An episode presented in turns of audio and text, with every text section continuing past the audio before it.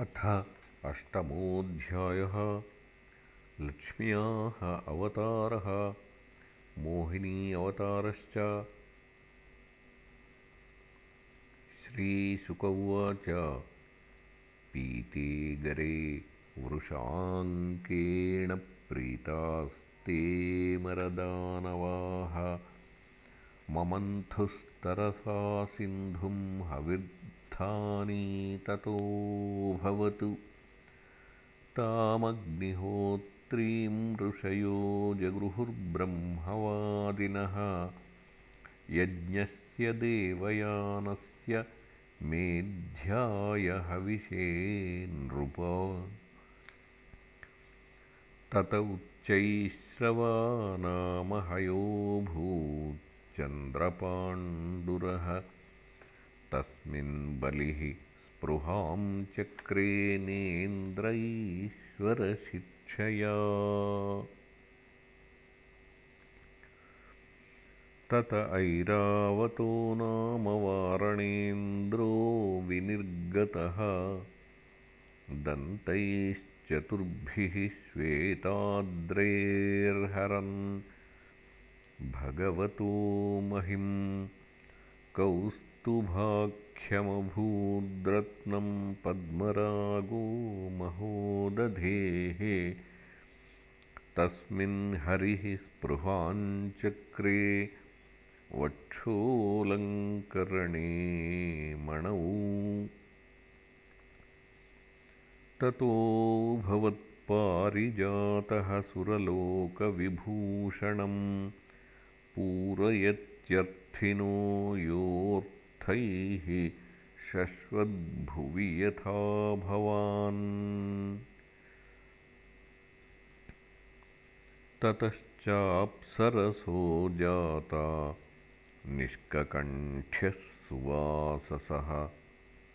रमण्यः स्वर्गिणां वल्गुगतिलीलावलोकनैः ततश्चाविरभूत् साक्षात् श्रीरमा भगवत्परा। रञ्जयन्ती दिशः कान्त्या। विद्युत्सौदामिनी यथा। तस्यां चक्रुः स्पृहां सर्वे। ससुरासुरमानवाः रूपौदार्यवयो वर्णमहिमाक्षिप्तचेतसः तस्यासनमानिन्ये महेन्द्रो महदद्भुतं मूर्तिमत्यः सरिच्छ्रेष्टाः हेमकुम्भैर्जलं शुचि आभिषेचनिका भूमिराहरत्सकलौषधीः गावः पञ्चपवित्राणि वसन्तो मधुमाधवौ। ऋषयः कल्पयाञ्चक्रुरभिषेकं यथाविधि। जगुर्भद्राणि गन्धर्वानट्यश्च न ऋतुर्जगुः मेघामृदङ्गपणवमुरजानकगोमुखान् व्यनादयन् शङ्खवेणुवीणास्तुमुलनिःस्वनान् ततोऽभिशिशुतुर्देवीं श्रियं पद्मकरां सतीं दिगिभाः पूर्णकलशैः सूक्तवाक्यैर्द्विजेरितैः। समुद्रः पीतकौशेयवाससी समुपाहरतु। वरुणः स्रजं वैजयन्तीं मधुनामत्तषट्पदाम् भूषणानि विचित्र णि विश्वकर्मा प्रजापतिः। हारं सरस्वतीं पद्ममजो नागाश्च कुण्डले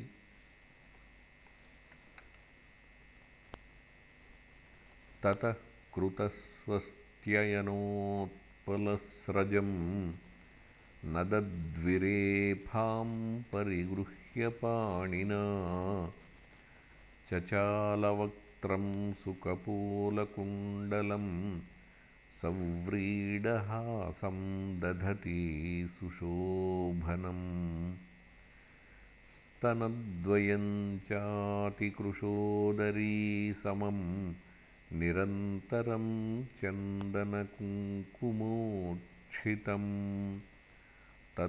ततस्ततो नूपुरवल्गुषिञ्जितैः विसर्पती हेमलतेव सा बभौ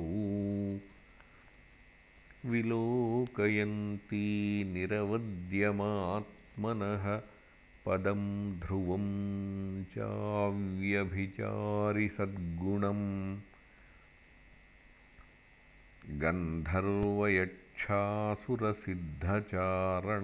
गन्धर्वयक्षासुरसिद्धचारणत्रैविष्टपेयादिषु नान्वविन्दत।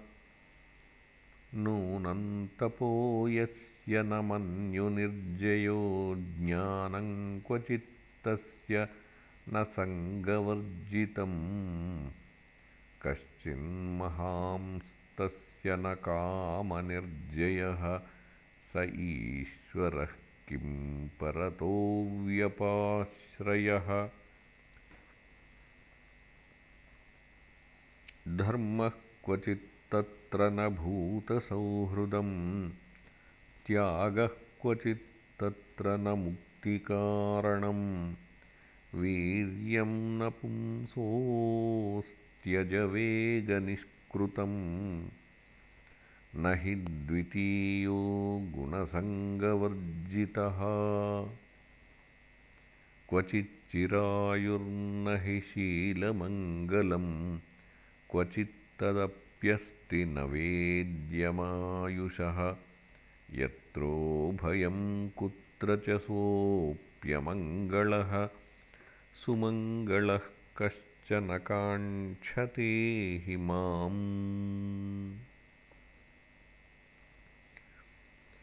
एवं विमृश्याव्यभिचारिसद्गुणैः वरं निजैकाश्रयतागुणाश्रयम् वव्रे वरं सर्वगुणैरपेक्षितं रमामुकुन्दं निरपेक्षमीप्सितम्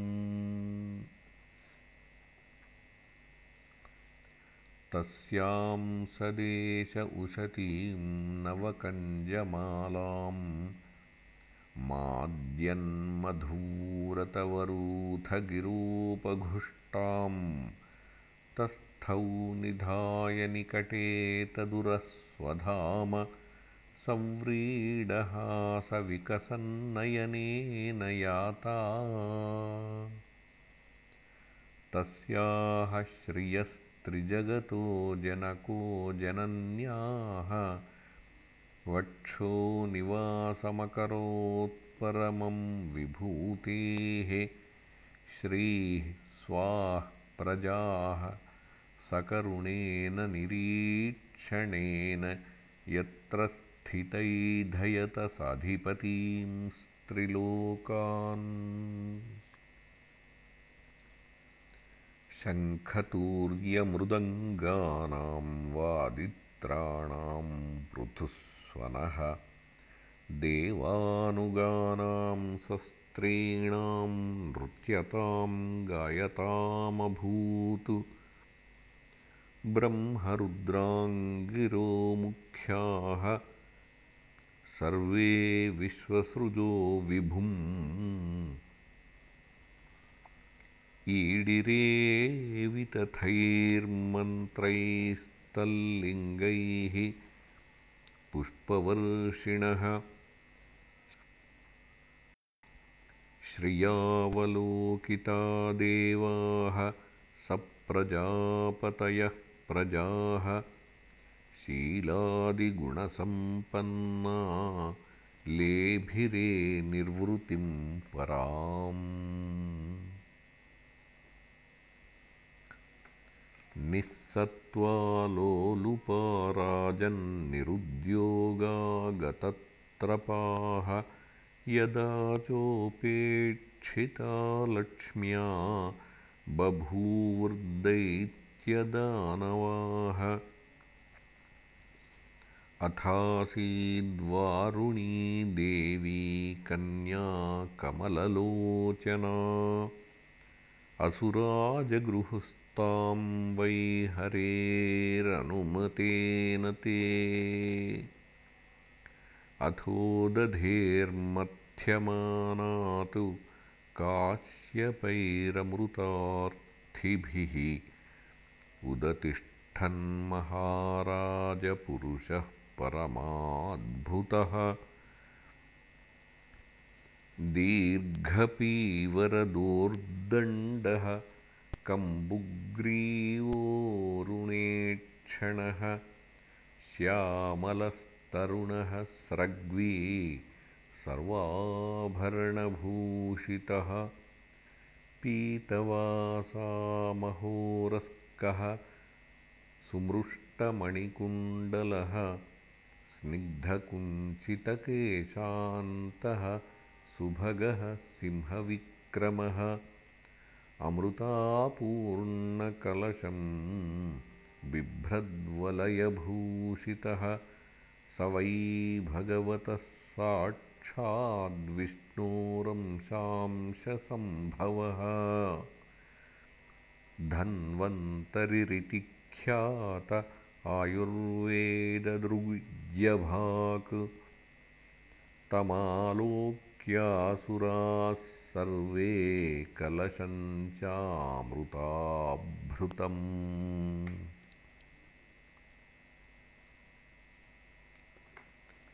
लिप्सन्तः सर्ववस्तूनि कलशं तरसाहरन् नीयमाने सुरैस्तस्मिन् कलशेऽमृतभाजने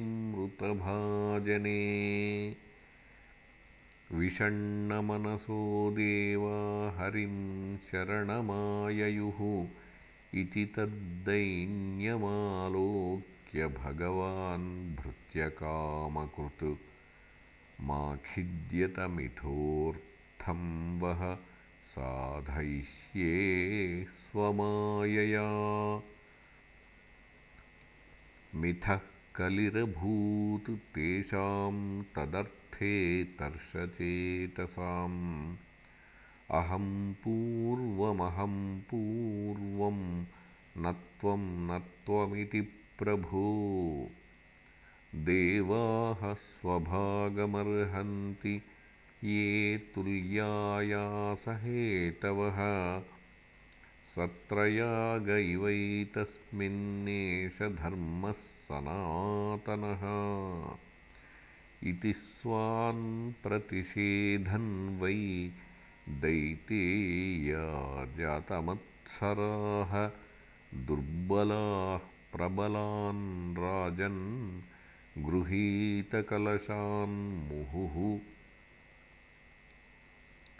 एतस्मिन्नन्तरे विष्णुः सर्वोपायविदीश्वरः योषिद्रूपमनिर्देश्यं दधारपरमाद्भुतम्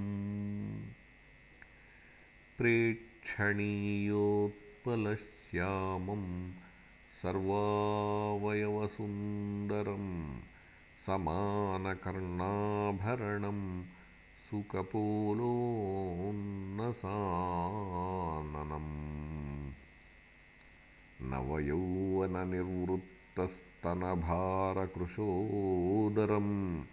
मुखामोदानुरक्तालिझङ्कारोद्विग्नलोचनम् बिभ्रत् स्वकेशभारेण मालामुत्फुल्लमल्लिकाम् सुग्रीवकण्ठाभरणं सुभुजाङ्गदभूषितम्